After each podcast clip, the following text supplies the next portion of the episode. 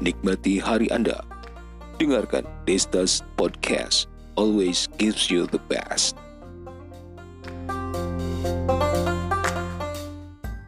Kenapa orang suka jengkol? Ayo, kenapa? Lalu kenapa juga ada yang gak suka jengkol? Kenapa ada orang miskin yang hidupnya terlihat bahagia, Kenapa ada orang kaya yang selalu terlihat kusut dan banyak masalah? Itu pertanyaan-pertanyaan yang sering mengemuka dan terlintas di benak banyak orang. Objeknya sama, tetapi tanggapan orang bisa berbeda-beda. Kenapa ya? Itu ketentuan Tuhan, kata teman saya yang lagi ogah mikir. Tentu saja semua adalah ketentuan Tuhan, tapi pasti ada hukum sebab akibat di dalamnya. Kalau orang suka jengkol, pasti ada sebabnya. Begitu juga sebaliknya, kenapa orang tidak suka jengkol. Hanya saja orang kadang-kadang tidak mengerti apa penyebabnya. Pokoknya suka deh, pokoknya suka sesuatu. Titik. Begitu katanya. Padahal penyebabnya adalah persepsi. Dan itu kata kuncinya.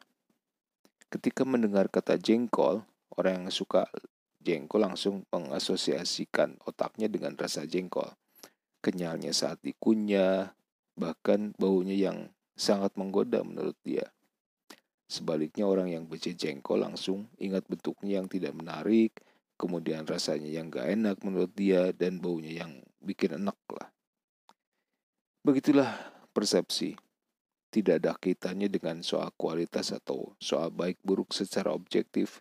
Sebab seburuk apa pun sebuah objek, jika persepsi kita mengatakan baik, maka objek tersebut terlihat menyenangkan buat kita. Nah, sekarang saya tanya Anda, apa indahnya coba menutup telepon?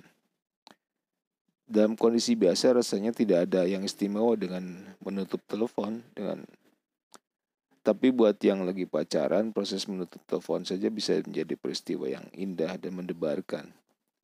Ini lagi-lagi soal persepsi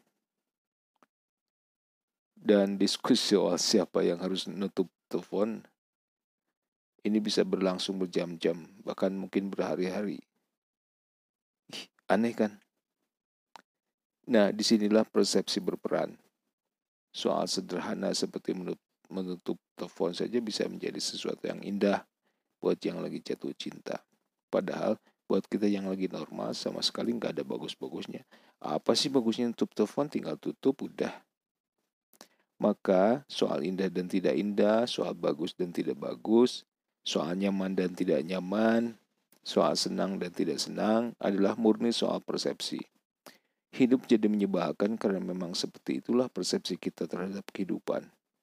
Jika dalam persepsi kita hidup itu menyenangkan, maka itulah yang akan terjadi. Hidup menjadi menyenangkan. Karena itu, ada baiknya jika kita mulai memperbaiki persepsi kita terhadap apa pun yang ada di sekitar kita. Berbaik sangka, husnuzon dalam persoalan apa pun akan membuat semuanya menjadi lebih mudah. Hidup akan jauh lebih menyenangkan ketika kita menyingkirkan segala persepsi buruk kita tentang kehidupan. Dan mari kita mulai hari ini dengan mengucapkan hidup ini memang indah. Demikian untuk episode kali ini. Semoga bermanfaat. Sampai ketemu di episode berikutnya. Terima kasih. Anda baru saja mendengarkan Destas Podcast.